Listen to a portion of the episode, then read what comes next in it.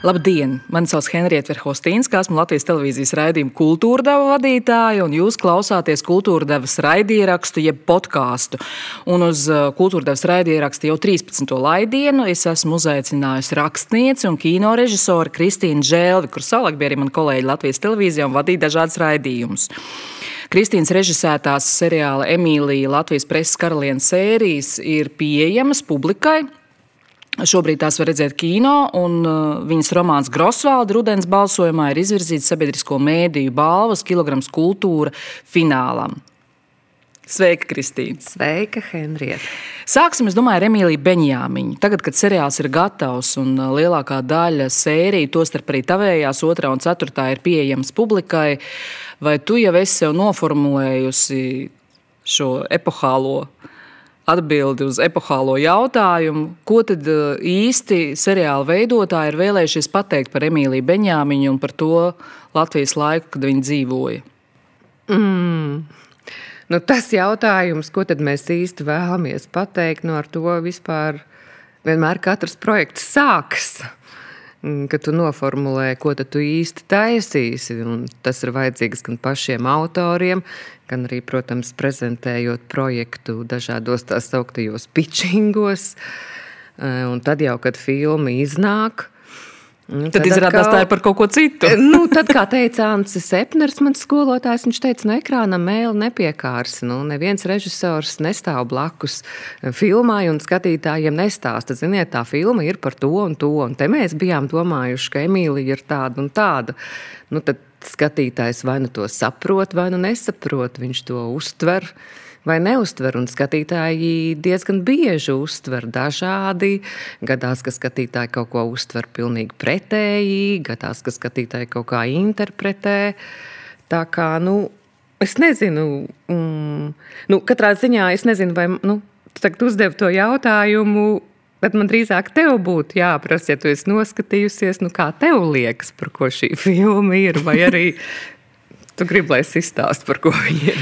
Pirms eh, es mēģināšu varbūt, atbildēt uz tavu jautājumu, es tev aicinu noklausīties eh, fragment no kultūra devas.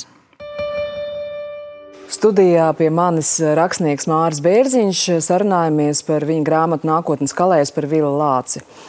Mēs redzējām arī manas kolēģis Sižetā, ka seriālā par Emīliju Beņāmiņu ir attēlots draudzīgās attiecības starp viņu un Vili Lāci, bet tavā grāmatā, kas skāra pēdējos 12 Vili Lāča dzīves gadus, tātad no 53. līdz 66. Tad tur viņš atcerās Emīliju Beņāmiņu ar ļoti tādu skarbu vārdu, ar ļoti mhm. lielu nepatiku. Vai tā ir tava interpretācija, vai tev ir tam dokumentāls pamatojums? Nu, tieši dokumentāls pamatojums nav, bet uh, es vienkārši to tā to izsacinu no visas, gan tā, ko viņš ir teicis, gan tā, kā viņš ir rīkojies. Un arī citi, pat vairāk citi, nevis tikai Lācis. Nu, jo Lācis prata ļoti labi pielāgoties, un, un viņš smaidīja viņai un dejoja ar viņu. Un, nu, viss, viss izplūda viņas priekšā. Nu, jo viņai bija vara, un tā, tā, tā darīja daudzi tā laika literāti pielīda. Pielīda, jā, jā, jā, bet uh, tai pašā laikā nu, nepatika viņiem tā Benjamina ar saviem gājieniem. Tāds diktators, diktators drusku, un diez vai tas tiem literātiem varēja patikt.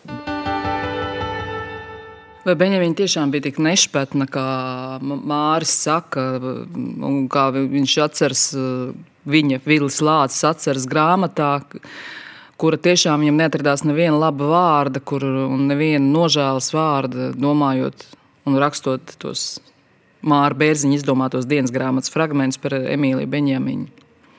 À, nu, zini, kā nu, mēs jau arī neviens vairs šodien īsti nezinām, kāda tad īsti bija Benjamīna. Un tiešām tas, ko dara mākslinieki, gan, gan rakstnieki, gan režisori, gan autori, uh, nu, tā ir mūsu interpretācija. Protams, viņa balstās dažādos mozaīkas gabaliņos, vai krikumos, vai atmiņās par kaut kādām situācijām, bet tās jau vienmēr ir subjektīvas.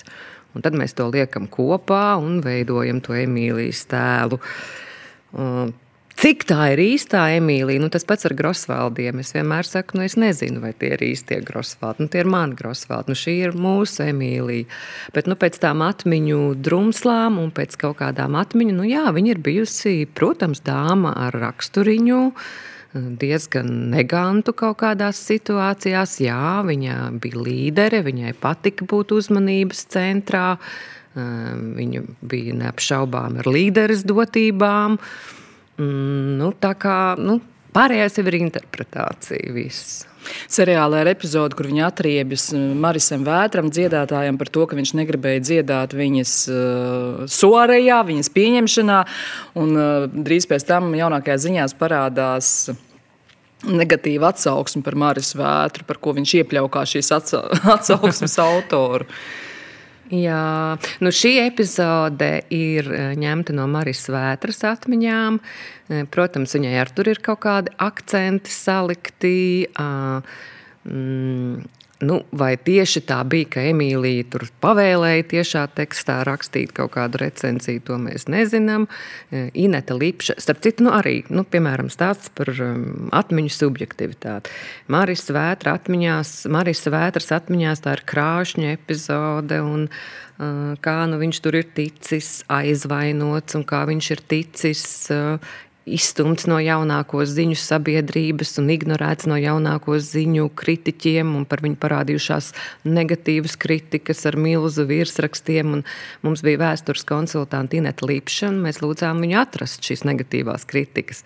Rezultātā tur ir viens mazs tāds rakstelis kaut kur pa vidu, pat uz beigām, nu, kur burtiski ir kaut kādi pieci teikumi par šo. Nav nekāda lielie virsraksti. Kā, nu, bet, protams, ka Marijas vētras atmiņās tas bija ārkārtīgi spilgts notikums, kas viņu satrieca un, un negatīvi ietekmēja.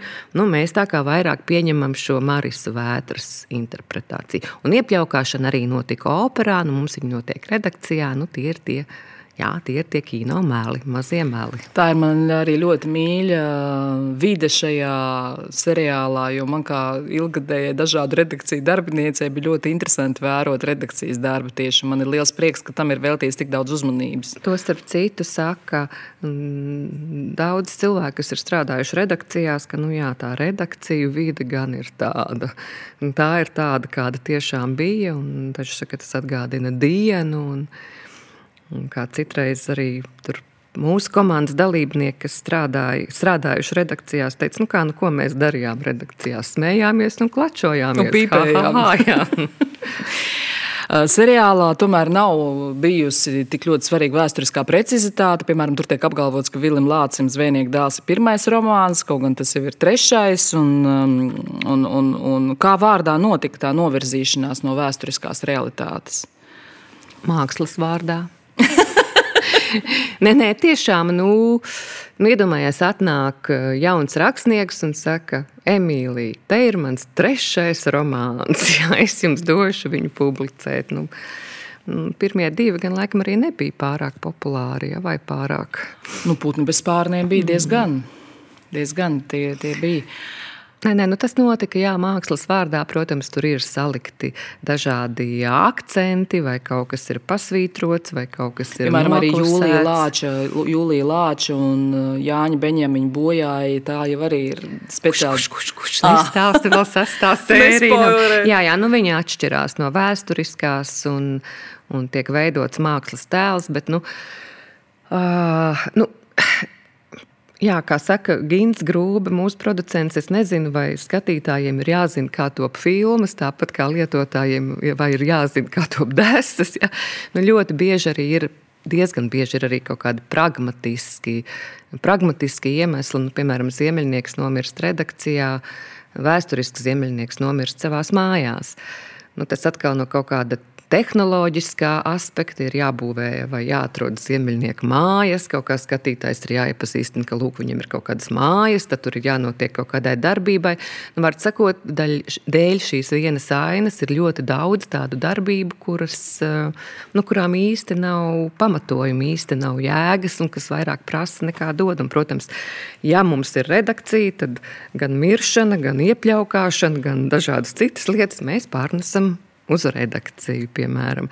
Bet, ehm, protams, tas ir arī nu, kā par šīm nāvēm, nu, tas noteikti bija režisoram un scenāristam māksliniecisks arī lēmums. Jo, nu, To es arī tā kā visu laiku atkārtoju, ka nu, ir mākslinieckā realitāte un tad ir fiziskā realitāte. Un tas ir divas dažādas lietas. Divas dažādas lietas. Nē, nu, protams, mēs nemainām kaut kādus uh, tik ļoti, nu, es jau tagad pateikšu kaut ko, man liekas, pilnīgi pašsaprotamu. Nu, nu, Izsūtīšana notiek tad, kad viņa notiek vēsturiski, ja, bet tad kaut, kaut kādas detaļas, kā tas tieši notika, ko katrs teica, kā katrs reaģēja. Nu, nu, tā ir mūsu jā, subjektīvā interpretācija. Man uz kultūra devas svētdienā nāk Guna Zariņa. Domājot par šo aktrisi Emīlijas Beņāmiņas lomā, kādas ir tavas sajūtas? Tas bija uzreiz skaidrs, ka Emīlija Beņāmiņa būs Guna, un vai Gunas Zariņas Emīlijai Beņāmiņai ir kaut kāds sakars ar vēsturisko personāžu, vai tas ir pilnībā māksliniecisks tēls? Kādā ziņā vai ir kaut kāds sakars? Domā, nu, vai, ir pēt, nē, nu, vai tur ir pētīts, vai ir mēģināts jā, panākt viņas jā. portretisko līdzību? Nu, par portretisko līdzību es teikšu tā, tur vēl, tur, tur lai tagad skatītāji arī un kritiķi e, strīdas par vairākiem tēliem. Mums pašiem liekas, ka nu, mēs tur to līdzību redzam. Ir daļa skatītāji, kas arī viņu redz, nu ir daļa, kam liekas, nē, nē, nē, nē. nē. Tas tā nav, nav tur īpašas līdzības. Kā, nu, mums liekas, ka jā. Nu, par Gunu bija tā, ka mm, par viņas tēlu bija. Katrā ziņā, kad man zvanīja Gins Krūbe, mm, seriāla producents un arī idejas autors, viņš teica, nu, ka mums ir doma uzņemt seriālu par Emīliju Beņemiņu ar Gunu Zariņu galvenajā lomā. Un tad tas bija tā, nu, jā, protams, nu, kura gan cita. Nu, protams, ka ar Gunu tā kā nu, viņas kandidatūra ir netika pat eh, īpaši apspriesta. Man šķiet, ka tas visiem tā kā likās pašsaprotami, ka nu, Emīlija spēlēs gunu. Bet viņa arī ir izcila šajā lomā. To es varu apgalvot. Pilnīgi citādi gunu zariņa nekā ir ierasts. Eh, nu, nu, ko nozīmē ierasts? Viņai jau ir ļoti dažādas lomas arī teātrī, bet uh, tomēr es uzskatu, ka Emīlija Beņāmiņa ir kaut kāda pilnīgi cita tipa loma viņai, un viņa to ļoti labi izdara šajā seriālā. Uh, vēl es tev tūlīt atskaņošu vienu fragment no kultūra devas. Nezinu, kāda tev būs sajūta pēc tā, bet man gribējās tevi mazliet paprovocēt. Tu esi šīs nedēļas žurnālā ir ļoti kritiski izteicies par kolēģu veikumu arī lielajam Kristapam nominētajā seriālā Emīlija Latvijas preses karaliene. Tu esi nosaucis par mirušo kino un kokainām Jā. sarunām glītā interjerā. Es tā arī domāju. Jā un ka tas ir konjunktūras kino, nevis stilizēts kino. Jā, nu, šajā gadījumā tas ir. Nu, Tā, nu, tā, tā analogs varētu būt tāds vidējais aritmētiskais straumēšanas platformās pieejamais seriāls, jebkurā Eiropā. Nu, tas ir atdarinājums kaut kam tādam. Nu, tā ir kostīma drāma par uh, plaši pazīstama vēsturiska biogrāfiska personība izpildīt tajā vēsturiskā kino modā, kādu mēs to paredzam. Nu, kādu, pie kāda mēs esam pieraduši, un tīri profesionāli tas ir veikts. Bet, manuprāt, tur nav nekādas. Nu, Mākslinieciskas ambīcijas, kaut kā nepareizāk, kaut kā dīvaināk, kaut kā nu, tā neierastāk tam pieiet.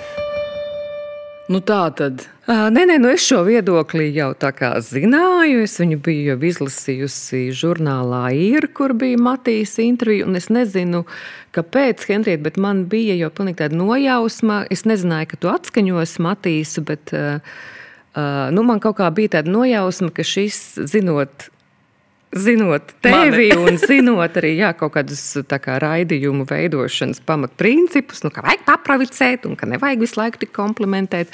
Man kaut kā bija sajūta, ka nu, šis viņa viedoklis tiks pieminēts un ka man būs uz to jāatbild. Un, Tad jau tas ir gatava. Nē, nē, nu es tieši arī par to domāju, kad es izlasīju to Matīs paziņojumu par to, ka tas ir miris kino. Nē, nu, vai kaut kādas tur, kā viņš teica, kokā, ne, nedzīves kino vai miris kino. Nu, jā, nu, iespējams, ka no viņa viedokļa skatoties. Tā tas arī ir. Un varbūt kaut kādā ziņā pat nu, katrs viedoklis ir cienījams un kaut kādas, eh, kaut kādas eh, derīgus graudus eh, kritikā var atrast jebkurā. Nu, es to sauktu savādāk. Jā, protams, Emīlija ir veidota kā produkts kuru noskatās pēc iespējas vairāk skatītāju, kurš uzrunā pēc iespējas plašāku auditoriju loku. Bet, manuprāt, nu, pēc tiem maniem profesionāliem kritērijiem, Man liekas, ka tas gan saturiski, gan izpildījuma ziņā ir ļoti e, profesionāli, e, augstvērtīgi izveidots produkts. Nu, tāda ir mana pārliecība, tā es arī jūtos par šo filmu. Bet es saprotu, arī Matīs, viņam ir 26 gadi, viņa jaunības maksimālismu. Viņš grib eksperimentus. Un, bet vēl viena, man liekas, kas ir svarīga lieta, ka nu, kino nozarē, kas tomēr ir ļoti dārga nozare, un uh, kur budžeti ir, uh, nu, priekš mums, piemēram, viņi neliekas varbūt tik lieli. Piemēram, viens no tiem mūsu rolmodeļiem bija seriāls Kronis. Uh, kur ir 30 reizes lielāks budžets. Nu, Emīlijas budžets uz Latvijas fona, protams, izklausās liels, bet uh, nu, tic man, nu, viņš nebija tik liels. Un Latvijas tajā situācijā tomēr ļoti um, nu, nepārāk piedod to, ja tev iedod lielu naudu un tu uztaisi nekvalitatīvu vai neprofesionālu projektu. Iespējams, ka to piedod Matīs gados. Īpaši, nu, ja tur vēl ir kaut kādi, nu, sauksim to tā, jaunas kino valodas meklējumi vai eksperimenti, tad šis attaisnojums der mūsu vecumā vairs slikti vai neprofesionāli uztaisīt produktu tik viegli nepiedod. Ko tu saki par eh, to, ka valsts uh, finansē seriālu tapšanu, vai tam tā būtu jābūt? Mm, nu es domāju, ka Latvijas apstākļos, um, jā, ja mēs gribam kultūra vēsturiskus sižetus, kultūra vēsturiskus kvalitatīvus seriālus, kurā ir kaut kāds pētniecības darbs, E, kurā ir dekorācijas, kurā ir e, tiešām ieguldīts resurss, lai tas arī vizuāli izskatītos pietiekami e, kvalitatīvi. Nu, mm, diemžēl citas iespējas nav. Jo, nu, tas arī ir plašāka saruna gan par literatūru, gan par kino. Latvijā ir tik iedzīvotāji, cik ir. Latvijā ir tik Eh, tik un tik publikas, kas par to ir spējīga maksāt, vai kas ir spējīga to pirkt, lai tas producentam atmaksātos. Nu, nu, diemžēl šāda līmeņa mm, produktu bez valsts atbalsta veidot ir pilnīgi nereāli. Nu, vienkārši tāpēc, ka tas nu, neviens to nevar atmaksāt, neviens to nevar nopirkt. Uh, ne ar biļetēm, ne ar kaut kādu abonēšanu. Tā kā šobrīd, um, jā, jā, jo nu, šeit jau arī ir pretenzija tomēr uz filmu. Um, Jūs arī rādat kino? Savos, mēs arī rādām kino, lai gan sākumā tas tā nebija pat domāts. Um, bet, nu, kā, nu, komercija šeit nav tas uh, vadošais moments. Tomēr es uzskatu, ka tur arī ir pietiekoši daudz kultūra vēsturiskas uh, informācijas, un uh, arī visa vide, un tērpi un dekorācijas. Un citreiz mums jautā, nu, Tiešām man arī ir bijis tāds ironisks jautājums, nu vai tiešām tajā laikā bija uz ielām tikai pieci cilvēki?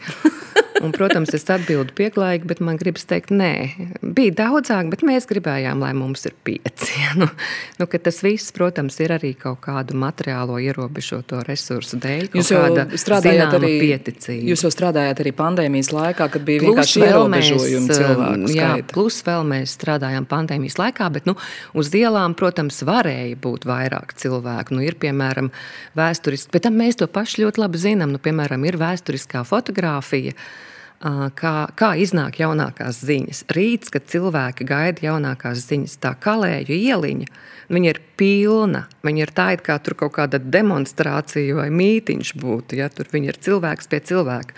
Tieši krīzes laikā, kad bija bezdarbs un jaunākajās ziņās bija darba sludinājumi. Nu, jā, mēs to zinām, ka tā bija, bet nu, kaut kāda ierobežotā resursa dēļ mēs to nevarējām izpildīt. Nu, ne dzīvajās aicinot tādus masu skatus, ne arī ieguldot kaut kādus līdzekļus kvalitatīvā datorgrafikā. Atgādinu, ka pie manis viesojas kino režisore un rakstniece Kristīna Žēlve. Uh, līdz Emilijai Beņāmiņai tev bija bijušas lielākoties izmanto diplomu darbu dokumentālās filmas, gan ar inscenējumu elementiem, gan par Teovo Tūlio, gan par uh, Mēriju Grīnbergu filmu Mērijas ceļojums. Vai tu tagad domā, ka aktieru kino ir tavs lauciņš? Tevo Tūlio laikam nebija inscenējuma elements. Man liekas, kāpēc palika prātā, bet tas laikam tāpēc, ka viņa paša mēmās filmas. Jā, jā tur, tur bija eksponēts. viņa filmas, un tur bija tā kā miksēts dokumentālais un viņa filmas. Un Mērijas ceļojumā jau bija aktieru elementi. Nu, to rādīs laiks. Es domāju, nu, katrā ziņā man interesē, protams, šis žanrs, man interesē darbs ar aktieri. Es domāju, ka Mērijas ceļojums tādā ziņā. Mm, ne, es domāju, Emīlija tādā ziņā bija man laba pieredze, jo pirmo reizi bija darbs tomēr ar tik plašu to aktieru loku un ar tik dažādiem aktieriem. Tā kā jā, jā mani, protams, interesē šī sfēra. Vai tu filmēšanas laukumā, kā režisore, esi kādreiz jutusi pret sevi attieksmi, ak, un tas sievišķis? Nu, zini, nu, jā, tas ir. Nu, varbūt tik tiešā veidā nē, un varbūt arī šobrīd vairs nē. Bet, nu, principā savā uh, režisoras karjerā, ja 20, apmēram 20 gadu ilgajā vai garajā, jā, es esmu sastapusies ar šādu attieksmi. Jūs bijāt uh, tavā kino režisora kursā īstenībā diezgan brangs meiteņu pulciņš, jo tur bija Viestures Kairišs, Andris Mizišs, es atceros Igors Vērinieks un tagadējais alpīnists Kristaps Liepiņš, bet bija Kristaps arī... pirmo kursu, jā, pabeidza jā. mums Pauls Timrots, pabeidza pirmo Timrots, kursu, jā. tad Baiba Broka arī pabeidza jā, jā, jā. pirmo kursu. Par to man arī ir jautājums, tad... bet bija tur arī Māra Liniņa, Arta Bisiniece, Anna Viduleja un Aija, Aija Blei. Ilsa Vidaus. Ka... Tā kā jūs bijāt tāds uh, pirmais sieviešu kurs, ne tāds uh, - jā, jā, pie tam tur bija. Es tagad arī baidos tos ciparus tā sajaukt, bet uh, bija tā, man liekas, ka iestājās nu, tur plus mīnus desmit zēni un piecas meitenes. Uh, un pabeidza piecas sēnu un piecas meitenes. Ne, katrā ziņā puiši pazuda vairāk, bet meitenes man šķiet visas, kas iestājās, tiešām arī pabeidza šo kursu. Jā. Un te jūs minētā Baiba Broka savukārt no kino režijas pārgāja uz aktieru mākslu, bet tev ir cits stāsts, jo tu jau pašos pirmsākumos sāka studēt aktieru kursā, kas ir pazīstams kā Rēzijas Kalniņas, Agnes Zeltiņas, Ivars Toni, Nulda Anžas kurs. Un tu sāki kā aktrise un pēc tam izdomāji kļūt par kino režisoru. Kā tev tas tā sanāca? Vai tas bija tik sen? Tas bija tik sen. nē, nē, tas tiešām bija sen, un to man arī nu, visi prasa. Nu, man nav īsti izskaidrojumi, kā tas sanāca. Nu, nekad jau dzīvē nav tā, ka ir viens kaut kāds notikums, parasti jau tas ir kaut kāds notikumu kopums. Nu, acīm redzot, nu, es pēc sava rakstura varbūt nebija pārāk piemērota aktrises profesijai. Un, uh, Un katrā ziņā tā mana pārvirzīšanās uz režiju, īpaši uz kino režiju, nu, tā gan nebija eh, tāda ļoti apzināta. Es vienmēr smējos par to, ka cilvēki saka, ka, nu, ai, es tur, man draudzene gāja tur uz aktieriem vai režisoriem, ai, es aizgāju līdzi, iestājos, tā sanāca, bet apmēram tā arī sanāca, jo pēc diviem gadiem, ko es biju nosēdējis mājās ar bērnu, es sapratu, ka ne, nu, es noteikti gribu studēt un ka es gribu iegūt izglītību. Un, un es vienkārši skatījos, un tajā gadā bija uzņemšana Kultūras akadēmijas pirmajā kino režisora kursā. Tad likās, o, oh, nu, kaut kas, kā Emīlija saka, kaut kas jauns, kaut kas nebijis. Un arī uh, mm, kaut kas saistīts ar to sfēru, teātri un kino, kas man interesē. Bet, Ja tajā gadā būtu uzņemšana teātris režisoros, es droši vien būtu gājis uz turieni. Vienkārši man, man gribējās mācīties, turpināt mācības šajā sfērā. Tā sanāk. Bet es kādreiz sapņoju iestudēt izrādi. Mm -hmm. Jā, es esmu par to domājusi, e, bet no acīm redzot, ne tik nopietni un ne tik mērķiecīgi, jā, lai šo sapni realizētu. Nu, otra lieta, ka šobrīd ar vien vairāk man interesē tāda lieta, kā, un liekas svarīga tāda lieta kā profesionālisms. Un, Un, protams, ka es neesmu profesionāls teātris režisors, un droši vien man tur kaut kādā, kaut kādā ziņā atkal būtu jāsāk nul, no nulles, un tā kā neko nezinot un, un neko nesaprotot. Kā, nu, es, es, es nezinu, vai es to reali, nu, šo, šo līniju realizēšu. Kaut gan Viestures Kairis beidzas kino režisors, tomēr uzreiz sāka darboties arī teātrī. Viņam bija mazliet cits stāsts. Viņš jau studiju laikā paralēli mācījās divos kursos. Viņš mācījās arī pie Krīlova un iestudēja. Tā kā jā, jā, viņam jau uzreiz bija šī interese par teātri. Par abiem diviem. Tavā pirmajā grāmatā, meitene, kas nogriez man matus, ir atklāts tāds tavs dzīves posms, kas ir bijis saistīts ar leģendāru personību latviešu kultūrā, ar Hārdiju Lediņu. Saki, lūdzu, vai tagad skatoties uz to laiku Hārdijs Lediņš. Kas viņš īsti bija? Vai viņš bija multimākslinieks, vai performātors, vai mūziķis? Jo, teiksim, atverot Wikipēdijā sadaļu par viņu, parādās lielākoties viņa diskogrāfija.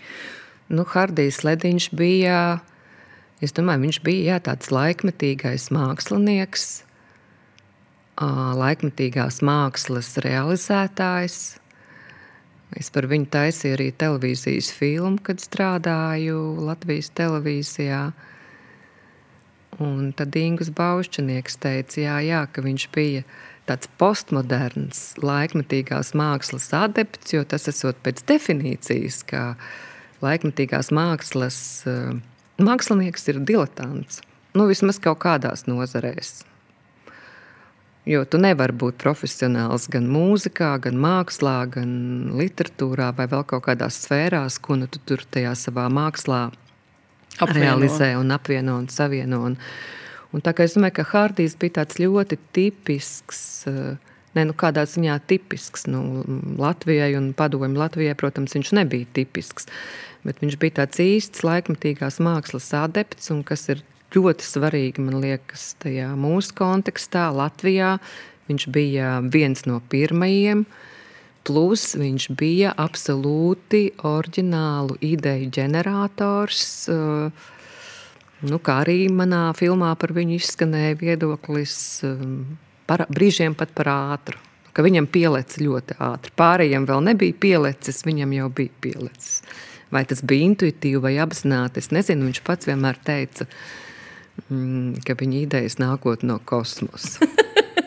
Ko tu vēl atceries par Hārdiju Lediņu kā par personību? Jo tu jau biji ļoti, ļoti jauns cilvēks, kad, kad jūs nonācāt vienā tusiņā. Viņš bija mans kaimiņš. Mēs pat īsti nebijām vienā tusiņā. Viņš kādu laiku imantāja īrēja dzīvokli, un viņš bija mans kaimiņš. Tajā laikā mēs tā sadraudzējāmies un satuvinājāmies. Un es varu pastāstīt, jā, kā es iepazinos ar Hārdiju.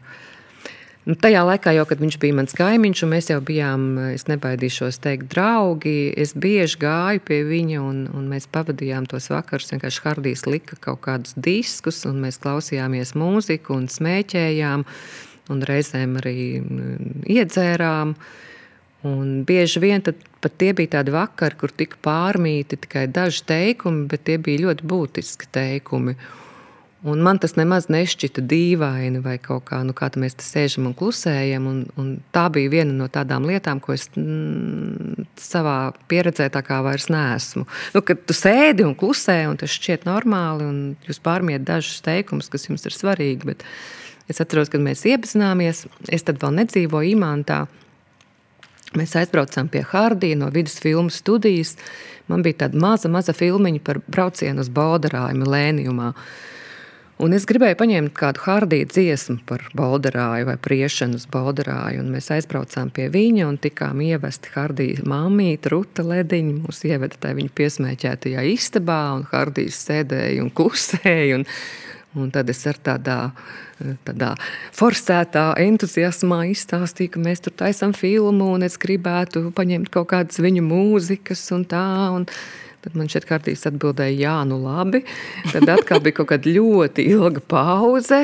Tad es atkal sāku kaut ko stāstīt, nu tad kā un ko un ko. Un vēl pēc kaut kāda laika Hardijs teica, nu, jā, tā viena dziesma. Viņš teica, man ir kaut kādas trīs dziesmas par Baldarāju tā viena kaut kur ir pazudusi, un divas vēl nav uzrakstītas.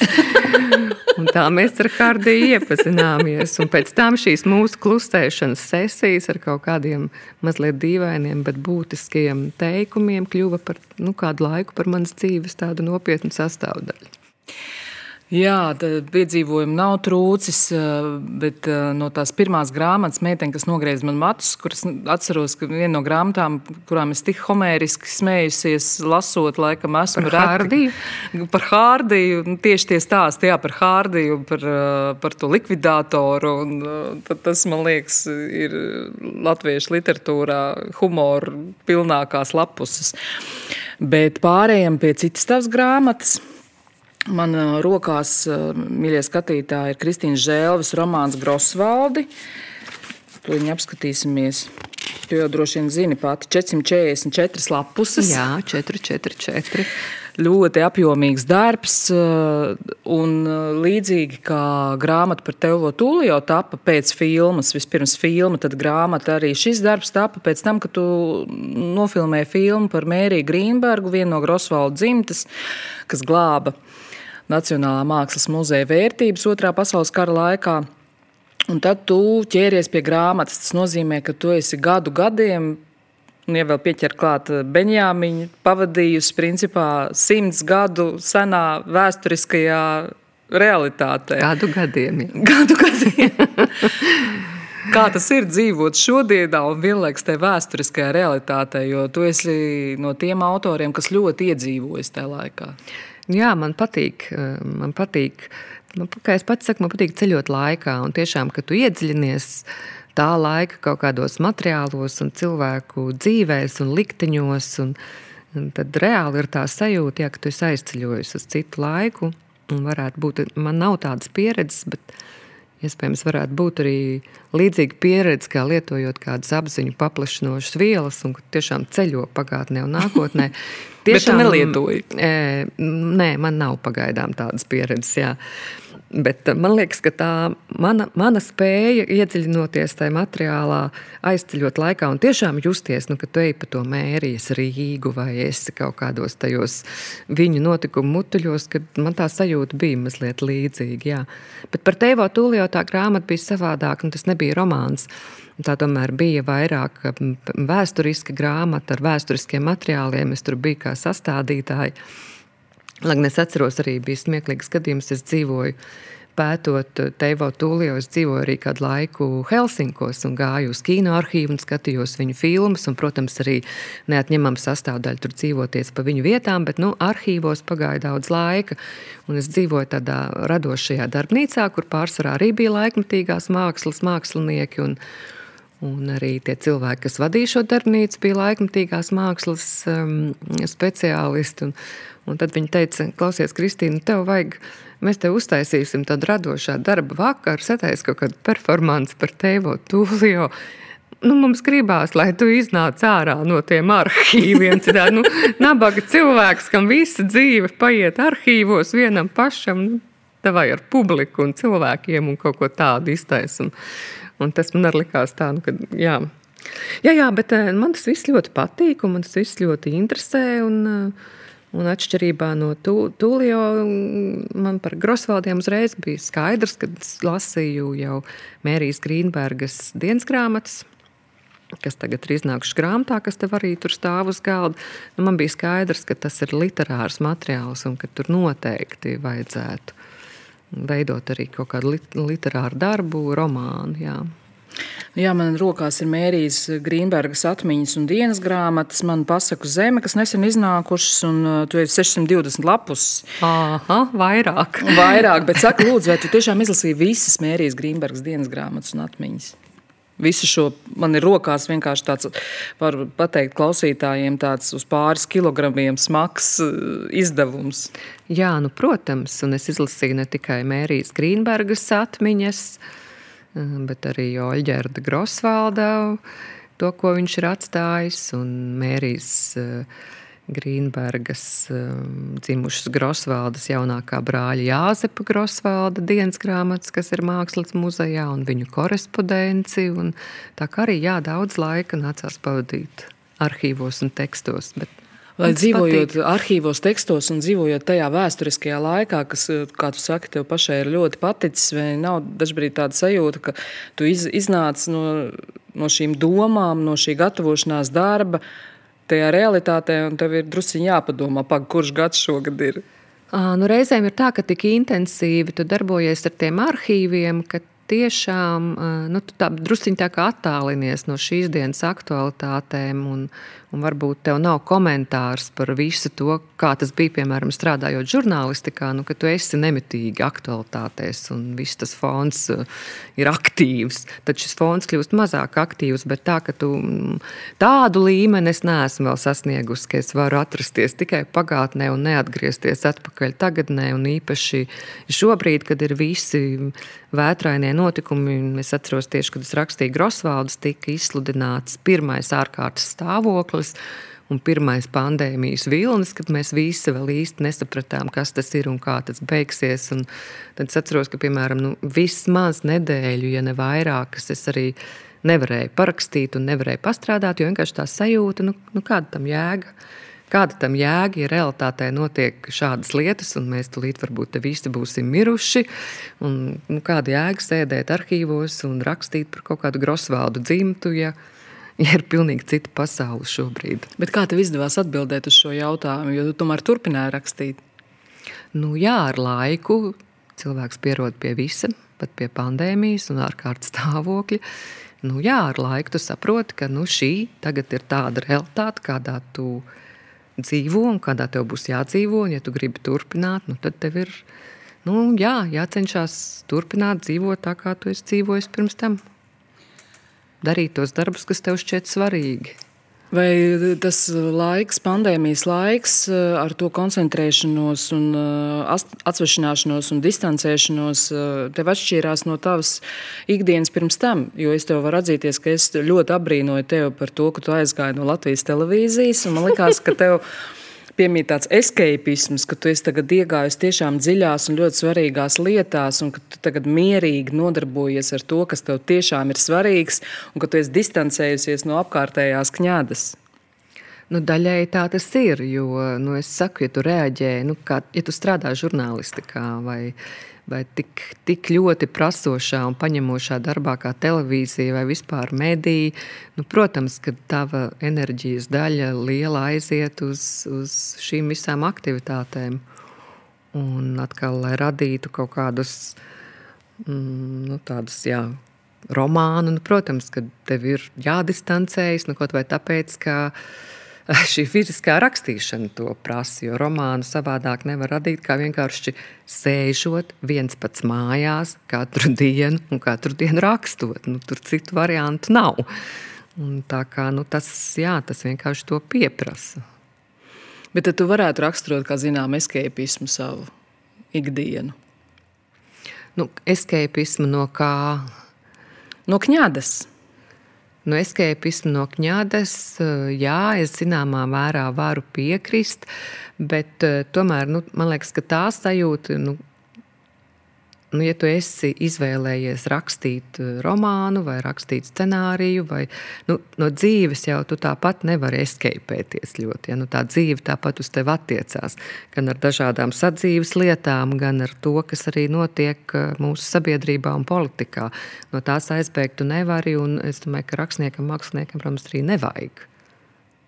Es esmu pamanījusi, ka tu Twitterī reaģē uz to, kas notiek. Twitters ir tavs mīļākais sociālais tīkls. Jā, Twitteris ir vienkārši mans. Jā. Lai gan arī tad, kad es rakstīju, es ļoti maz tvītoju un gandrīz nemaz par politiku. Nu, tāpēc, man vienkārši likās, ka es bišķiņu tā kā Nu, varbūt neru, ner, nerūpīju īsti, kas šobrīd notiek, lai es tur varētu ļoti aktīvi komentēt. Protams, ka visvairāk es komentēju tad, kad es strādāju žurnālistikā, bet tagad arī eh, es Twitter lietoju, jā, un tas ir, nu, tā ir tā kā ma, ma, mana izvēle. Jā. Vai tu pati raksti dienas grāmatas? Nē, es pati nerakstu dienas grāmatas. Es esmu rakstījusi kaut kādos dzīves posmos, un arī es tik pēc laika Šobrīd esmu centusies sākt rakstīt, bet, um, bet ja tu raksti kaut kādus uh, citus darbus, nu kaut kā tā dienas grāmata atmirst dabiskā veidā. Es esmu rakstījusi dienas grāmatas ar kaut kādiem konkrētiem mērķiem vai uzdevumiem, ko es pati sev esmu devusi, vai arī reizēm es esmu rakstījusi psihoterapeitiskos nolūkos dienas grāmatas. Bet uh, es rakstu tādu, nu, man ir tāda radošā dienas grāmata, ko studiju laikos iedresēja rakstīt Ansis Cepners, tiešām, ka tu pierakstīji e, kaut kādas idejas, vai kaut kādus tēlus, vai kaut kādus dialogiņus, vai e, kaut kādas lietas, kas tev var noderēt radošajā darbā, tāda, kad man ir. To, to, to es rakstu jau tiešām kopš studiju gadiem. Vai tu arī mēdzi fotografēt un uzņemt tādus video uz telefona tieši šiem pašiem nolūkiem, radošiem nolūkiem, tādas zarisovkas skicītes? To atkal es nemēdzu darīt, jo man ir diezgan izteikti laikam tā literārā domāšana, um, es vairāk strādāju ar kaut kādu vārdu vai piefiksēšanu, un atkal ar tām zarisovkām vai vizuālo informāciju man vienmēr liekas, ka, nu, Nu, tad, kad es to daru, tad es to daru pa īstam, bet nu, tādas telefona lietas es pat fotografēju ļoti reti telefonā. Vienmēr liekas, ka mm, nē, nav, nav tas, ko es esmu iedomājusies. Tagad Mākslas muzejā bija izstāde pēc Mērijas Grīmbergas ceļojuma, bija Grosvalda izstāde, kuru tu arī organizēji. Tad man ārkārtīgi uzrunāja. Saprotu, ka tev tur līdzdarbojās māksliniece un kuratore, bet uh, šī izstāde bija ļoti vizuāla ļoti jaudīga tieši vizuāli. Tā nebija vienkārši arhīva izstādīta stāstīņu virkne, vai, vai tā vizualitāte ir svarīga. Jo es varu arī atzīties, ka eh, Emīlijas Beņāmiņas sērijas šajā ziņā tavējās atšķiras no tavu kolēģu sērijām tieši ar tādu ļoti izteiksmīgu, man liekas, vizualitāti, jutekliskumu kadrā. Mm -hmm. Nē, nu, paldies, Henrieta. Jā, tu kompensē tagad Matīs Kāšiem. nē, nē, nu, jā, nu, protams, ka gan kino, gan izstādes ir vizuāla māksla. Un, un izstādē man bija mm, Ieva Stūra mākslinieca, kas ir arī mana draudzene, un ar ko mēs jau mērījām ceļojumā, esam kopā strādājuši. Viņa bija arī Teivo Tūlio grāmatas.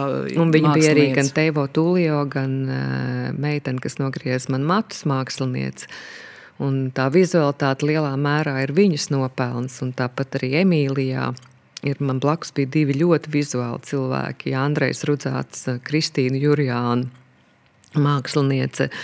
Un, protams, protams, kino ir vizuāla lieta, un, bet, uh, nu, ja tā pilnīgi godīgi jāsaka, es esmu cilvēks, kam tomēr tā literārā domāšana dominē.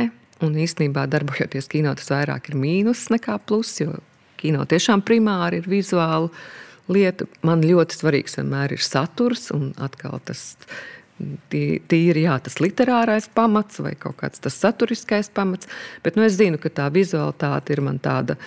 Nu, es vienkārši ar laiku esmu iemācījusies. Uztrenējusi. Nu, jā, ka jādomā vizuāli, vai ja tu pats nevari izdomāt, tad pajautāt kādam citam vai uzticēties viņu tam, tam redzējumam vairāk. Nu, sakot, tas ir kaut kas, ko es apzinos, kas nav man varbūt tā dabiski stiprākā puse. Kāds kino tev pašai patīk? Kādu tu kino tu skaties labprātāk? Nu, es skatos ļoti daudz un dažādu. Un e, tas, mm, man, nav, man nav tā, ka nu, tur būtu kaut kāds viens žanrs Davids vai veids. Vai, vai, vai, jā, jā, nu, ir, ir, ir, protams, kino, ko es izjūtu vairāk, ir kino, ko es atkal. Bet nu, man jau ir tā profesionālā skatīšanās arī, nu, kad vienkārši skaties, cik labi vai slikti tas ir uztaisīts un, un kas tur ir sanācis un kas tur tā. Un, Ko es varu pateikt par pēdējo laiku, ka man, piemēram, man nekad nav bijis eh, žanra kino kaut kādā veidā. Nu, man, es nekad viņu neesmu varbūt, tā pietiekami vērtējusi. Man vienmēr ir bijis autora kino. kino. Tas ir kā komēdijas, vai vesterni, vai melodrāmas. Jā, tā, tādā vesterni. ziņā. vai īpaši, piemēram, šausmu kino vai kaut kas tāds. Bet tikko es noskatījos arī Baltijas pērlē filmu Titāns, kas ir sievietes režisoras žanra kino ar šausmu kino. Šobrīd, protams, tas žanrs ir ļoti paplašinājies. Un var teikt, ka šo žanru es tagad sāku iepazīt no jauna. Un ieraudzīt, ka kaut kādu desmit gadu laikā, kad es neesmu viņam īpaši pievērsus uzmanību un pat īstenībā speciāli viņu neskatījusies, jo es esmu. Ah, es nevaru skatīties uz asinīm, ah, es nevaru skatīties uz vardarbību. Tad tiešām es redzu, cik ļoti šis žanrs ir kļuvis arī filozofisks, feministisks un ar visādām saturiski, tiešām ļoti augstām vērtībām. Tā kā nu, šis būtu varētu būt nākamais kaut kāds uzdevums iepazīties, piemēram, ar šausmu žanru kīnu. Tu pieminēji feminismu, un es atceros, ka vienā intervijā man uh, žurnālisti, kad es viņai teicu, ka es esmu feministe, viņa man tā pušķukstus pārjautāja, tiešām tu esi feministe? Tāpēc es tev uzdošu arī šo jautājumu, vai tu esi feministe? Nu, jā, man arī tas liekas 21. gadsimtā diezgan pašsaprotami. Protams, par to var atkal gari runāt, un diskutēt un filozofēt, bet nu, ja tā, tā tajā īsajā versijā man liekas, nu, tā ir Ja tu esi sieviete, kas ir darba tirgū, kas konkurē ar vīrieti mm, uz vienu un to pašu darba vietu, kas pieprasa līdzvērtīgu attieksmi un līdzvērtīgu atalgojumu, tu tā teikt jau pēc noklusējuma esi feministe. Nu, tas, Man tas neliekas nekas tāds ārprātīgs vai kaut kāda tāda ļoti radikāla izvēle. Es tagad būšu feministe. Mm, man liekas, mēs daudz ir... esam feministi, pat to īsti nesaprotot. Jā, jā es to esmu pamanījusi. Es esmu pamanījusi, ka tādas stipras uh, sievietes atbildot uz jautājumiem ļoti bieži piebilst, bet es neesmu feministi. Viņas mm, izklāsta visus feminismu pamatprincipus savā dzīvē, bet pēc tam uzskata par vajadzīgu piebilst, bet es neesmu feministe. Man patīk vīrieši. Jā, jā, nu tāpēc, ka feminisms man grūti izskaidrot, kāpēc. Es domāju, ka tas arī ir kaut kādu pārpratumu vai aizspriedumu vai līdz galam nesaprašanas rezultātā, ka feminisms feminisms kaut kā asociējas šeit bieži ar feminisms, vienādības zīme, vīriešu nīšana. Bet uh, tā vienkārši ir kaut kādas līdzvērtīgas situācijas pieprasīšana it, it visā, gandrīz it visā. Uh, kā tu vērtē šobrīd, uh, arī kā Twitter lietotāji, regulāri, vai šobrīd mūsu sabiedrība, salīdzinot teiksim, ar laiku pirms, nezinu, nu, pirms 30 gadiem, tad, kad atjaunojās Latvijas neatkarība, ir kļuvusi atvērtāka, saprotošāka, izglītotāka. Tad jau vēl nebija Twitteris. ja tu jautā man kā Twitter lietotājai. Arī kā Twitter lietotājai. Nu, man ļoti gribētos cerēt, ka jā, un man jau liekas, ka tomēr jā.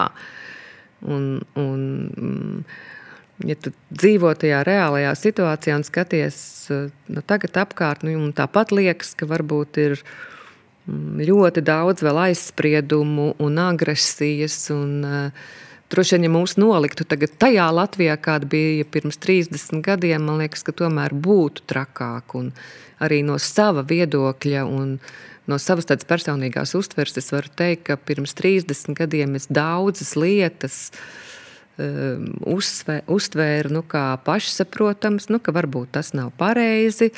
Attiecībā uz to pašu dzimumu līdztiesību, atšķirībā attiecībā uz attieksmi pret uh, dažādu, dažāda veida minoritātēm, vai cilvēkiem ar īpašām vajadzībām, vai dzīvnieku tiesībām. Tā laikā kaut kā tu kā intuitīvi saprati, ka daudzas lietas varbūt nav pareizas, bet nu, Un tā bet, nu, tā ir. ir. Tā tas vienkārši ir, un tā tas ir pieņemts, un visi to pieņem, un tu tā kā arī tev liekas.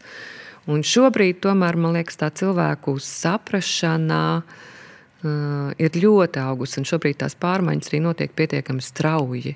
Un es domāju, ka Latvija arī viņas turpmāko, jo ir jauna paudze, kurai daudzas lietas nešķiet pašsaprotamas, un kas nav gatavi tolerēt kaut kādas lietas, eh, kas viņiem nešķiet pareizi, un mīļā miera labad paklusēt un samierināties. Tā kā es domāju, tās pārmaiņas eh, būs vēl arvien straujāks. Es tev gribu atskaņot eh, kultūrdevas fragment, kurā kāds neatkarības laika paudzes komponists, proti Jākaps Jančevskis, pauž savu sajūtu par to, kā viņš šobrīd jūtas sabiedrībā. Ja tā varētu pieiet pie kāda rupora un, un, un visus šai pasaulē esošos cilvēkus uzrunāt, es viņiem laikam teiktu, nu, nedalāmies. Nedalāmies un nu, neesam tik netīri, nezinu, sociālos tīklos, visur apkārt. Tu to izjūti kā tādu slogu. Protams. Mēģinam varbūt iedziļināties, pieļaut, ka katram cilvēkam ir dažādi iemesli darīt kaut ko vai nedarīt. Un, uh, nu, beidzam lādēt sevi. Šobrīd ir eh, nu, nepārspīlējuši diezgan smagi. Es, es jūtu, ka sabiedrībā šobrīd ir baigais smagums. Vai tu saproti, par ko Jēkabs runā, vai tu piekrīti, ka sabiedrībā šobrīd ir liels smagums tieši pandēmijas laikā? Nu, droši vien jau par to pašu vakcinēšanos, nevakcinēšanos. Ja? Droši vien, jā. Ah, nu jā. jā. Mm. Jā, jā nu šī tēma ir, ir karstais kartupelis. Un, un man, protams, arī ir, ir savs viedoklis par to. Mm, vienkārši arī saprotot, kādā situācijā mēs esam, un ka tūlīt atkal, atkal dzīve tiks tūlīt apturēta, un atkal teātris vai kino taisīsies daļēji ciet. Uh, un atkal ierobežojuma augsts, tāpēc ka slimnīcas ir pilnas un cilvēki katru dienu mirst. Nevakcinēti cilvēki, kuri varēja būt vakcinēti un kuriem nebūtu bijis jāmirst.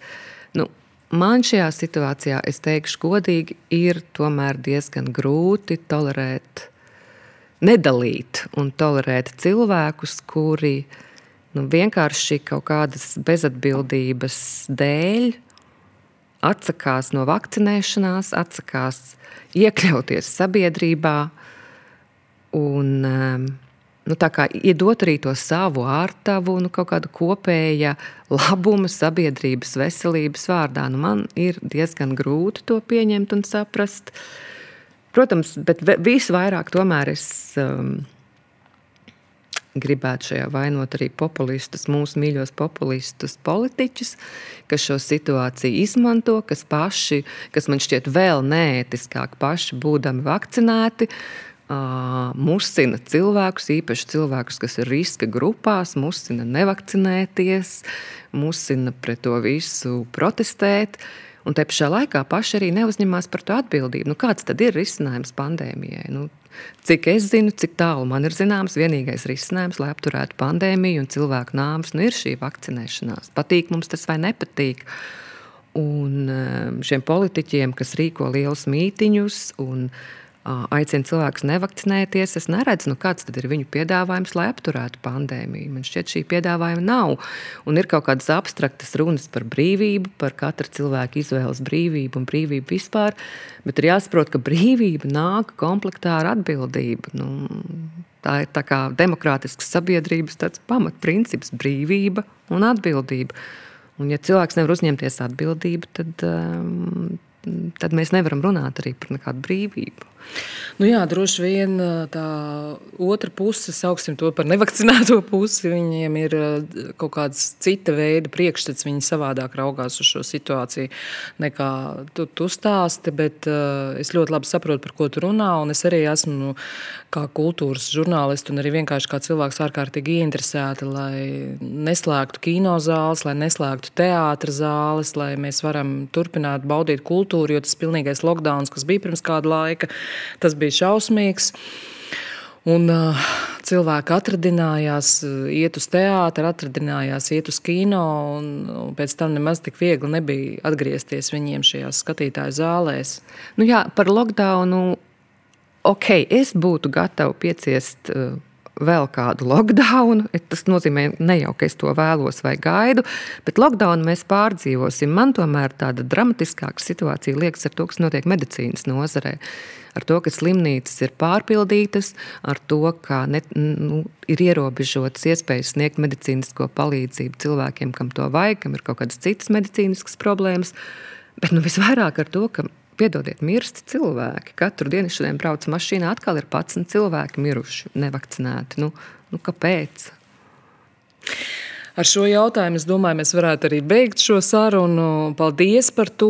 Šo stundu jūs bijāt kopā ar rakstnieci un kino režisoru Kristīnu Žēlvi un mani Henrietu Verhostīnas un klausījāties kultūrdevas podkāstu, jeb raidierakstu.